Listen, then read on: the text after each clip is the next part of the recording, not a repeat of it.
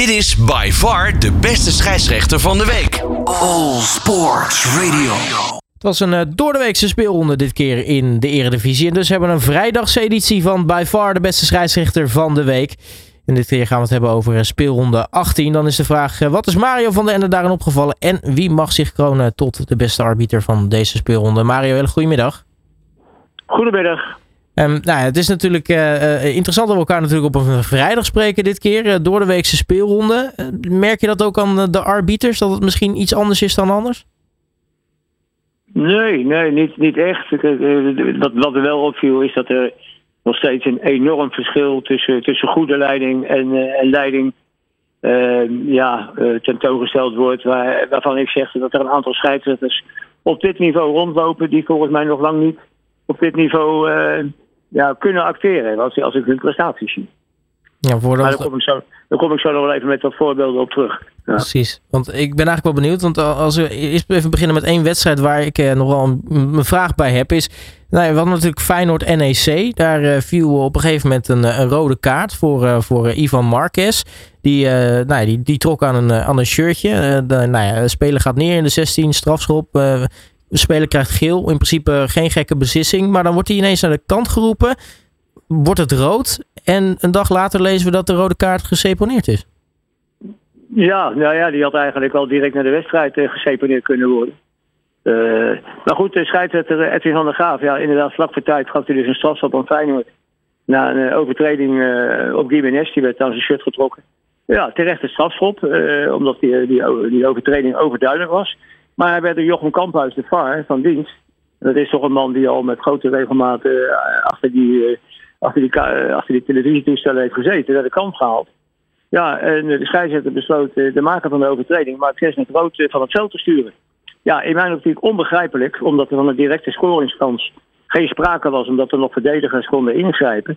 Ja, wat me ook nog een keer verbaasd is dat later zie ik dan Jasper Sillissen op televisie geroepen dat uh, hij nog contact heeft gehad met de scheidsrechter. En dat die scheidsrechter gezegd zou hebben: zonder VAR had ik de rode kaart nooit gegeven.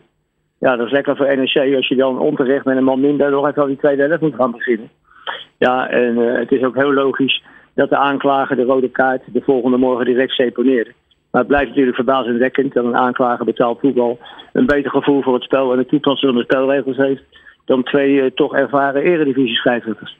Nee, inderdaad. Want er, was niemand die gek opkeek van die gele kaarten. Iedereen was er eigenlijk al uh, nou ja, uh, nou ja, logisch uh, en weer verder. En dan ineens komt die VAR nog in actie. Ja, nou ja, goed. Die, die, dat zeg ik. Die, of hij snapt het spel niet, of hij, hij hanteert de spelregels niet goed. Maar het verbaast me nog meer dat die scheidsrechter erin meeging.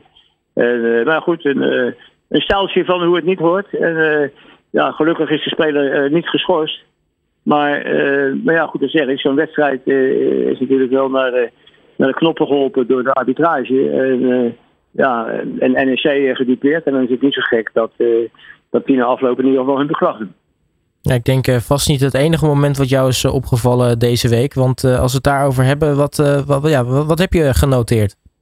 Ja, ik heb bij de MPSC een keiharde overtreding van PSV Mauro Junior op Mendes speler van Emmen een aanslag van achter op het kuitbeen ja, op, de, op de helft van Emmen nog. Uh, waar eigenlijk helemaal geen, ja, uh, geen noodzaak voor was.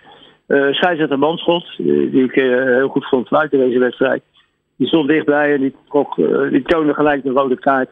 Ja, 100% terecht. En ik denk dat de twee wedstrijden schorsing voor de PSV meevallen. En dat hij daar erg blij mee mag zijn. Want dit was gewoon een overtreding uit, uit, de, ja, uit de de categorie, laat ik het zo zeggen. Mm -hmm. ook opvallend bij Vitesse Twente. Uh, daar, daar liep scheidsrechter Nachtegaal te fluiten. Ja, die liet er ook helaas ergens blijken nog lang niet op dit niveau toe te zijn. Hij gaf wel een terechte strafschop voor Twente toen Flap werd gevloerd door Vitek van Vitesse. Maar dan moet ik toch altijd weer glimlachen om het begeleidend commentaar op televisie. Toen werd gezegd dat Flap weer erg, erg makkelijk ging liggen ja, dit soort teksten, weet je wel, gespeeld van volgens mij enige spelkennis, kan uh, toch weer voor hele vreemde discussies gaan zorgen. En wat ook voor discussies zorgde in deze wedstrijd, was de afgekeurde goal van uh, Ricky van Wolfswinkel vlak voor tijd. Uh, het doelpunt dat het 2-3 uitslag had kunnen opleveren. Uh, Hichler was zwaar, trok de lijntjes, buiten spel ja of nee. En toen bleek dat Van Wolfswinkel ja, ongeveer een teennagel buiten spel had gestaan. ja, oké, dat kunnen we zeuren tot van ons wegen, maar dat is nu eenmaal zo afgesproken. En dat we die regels zouden volgen. Dus wat dat betreft staat dan in ieder geval de arbitrage landgelijk. Wat wel heel opmerkelijk is, is dat vanmorgen in het Algemeen Dagblad een artikel stond dat de KNVB eigenlijk nog met achterhaalde materialen uh, ja, een werkwijze werkt. En als met het systeem waarmee op het afgelopen WK in Qatar de VAR ja, werd geholpen, ja, dan had je, had je vaak hele andere uitkomsten gehad. Misschien deze ook heel anders. Maar goed, dus dat betekent in ieder geval dat de KNVB toch weer even, als ze met die VAR ja, door willen gaan op het uh, ja, met de juiste materialen. Dat is in ieder geval even weer de portemonnee moeten trekken. En dan misschien maar eens zo mogelijk overgaan op het, op het systeem wat bij de WK in Qatar ook gebruikt werd. En dan moet je maar even het algemeen dagblad even doorlezen. En dan, dan weet iedereen precies wat daarmee bedoelt. Omdat anders is het snel één uur en is het programma afgelopen. Even kijken. En met PSV we gehad Vitesse bij Fortuna Herenveen. Die stond onder leiding van scheidsrechter Van der Laan. Ook hier geldt in mijn opinie nog lang niet toe op dit niveau. Ook nog een beetje bij als Alice in Wonderland. En ja, ik denk dat de gele kaarten voor Cox van Fortuna zit uit een trappende beweging. En Ser Herenveen met een elleboog. Dat hij en de Var Oostrom die ja, ook niet optrad. Nog maar eens een keer moet gaan nakijken of dit geen rode kaarten hadden moeten zijn in plaats van gele. De laatste wat opviel was bij Utrecht en. Uh, scheidsrechter Gerrit, ook een scheid die helaas niet uitdonk. Maar uh, een hele pittige overtreding van FC Utrecht-speler Viergever. Die zijn directe tegenstander dusdanig blesseerde dat hij al, uh, was in de 18e minuut, in de 19e minuut vervangen moest worden. Ja, te vreemd voor woorden dat Viergever er zonder kaart vanaf kwam. ik denk dat een rode kaart niemand had verbaasd. en later ook zei dat in een gesprek met scheidsrechter Gerrit te horen had gekregen dat dit soort overtredingen nu eenmaal in een wedstrijd erbij horen. En daarom hij niet werd bestraft. Nou, heel vreemd. Ook vreemd dat het uh, VAR, op dit moment Bos, niet ingreep. Dus dat waren eigenlijk voor mij de situaties die erg in het oog sprongen dit weekend. Als je, of de, deze door de weekse ronde, als je het over arbitrage betreft. Nou, Simon, dus dan hebben we alle momenten uh, ja, bij elkaar. En dan gaan we natuurlijk nog afsluiten met het volgende. Wie is de beste scheidsrechter van het seizoen?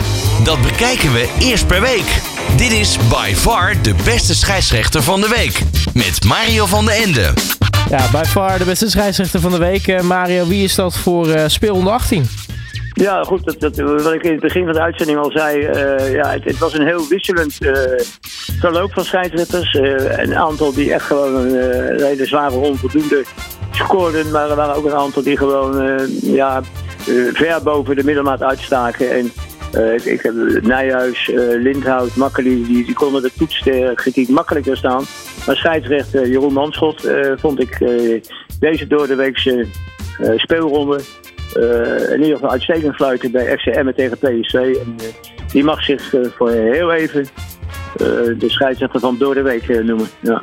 Want uh, we gaan alweer, uh, komend weekend door weer met, uh, met 19. Dus het zit allemaal dicht op elkaar.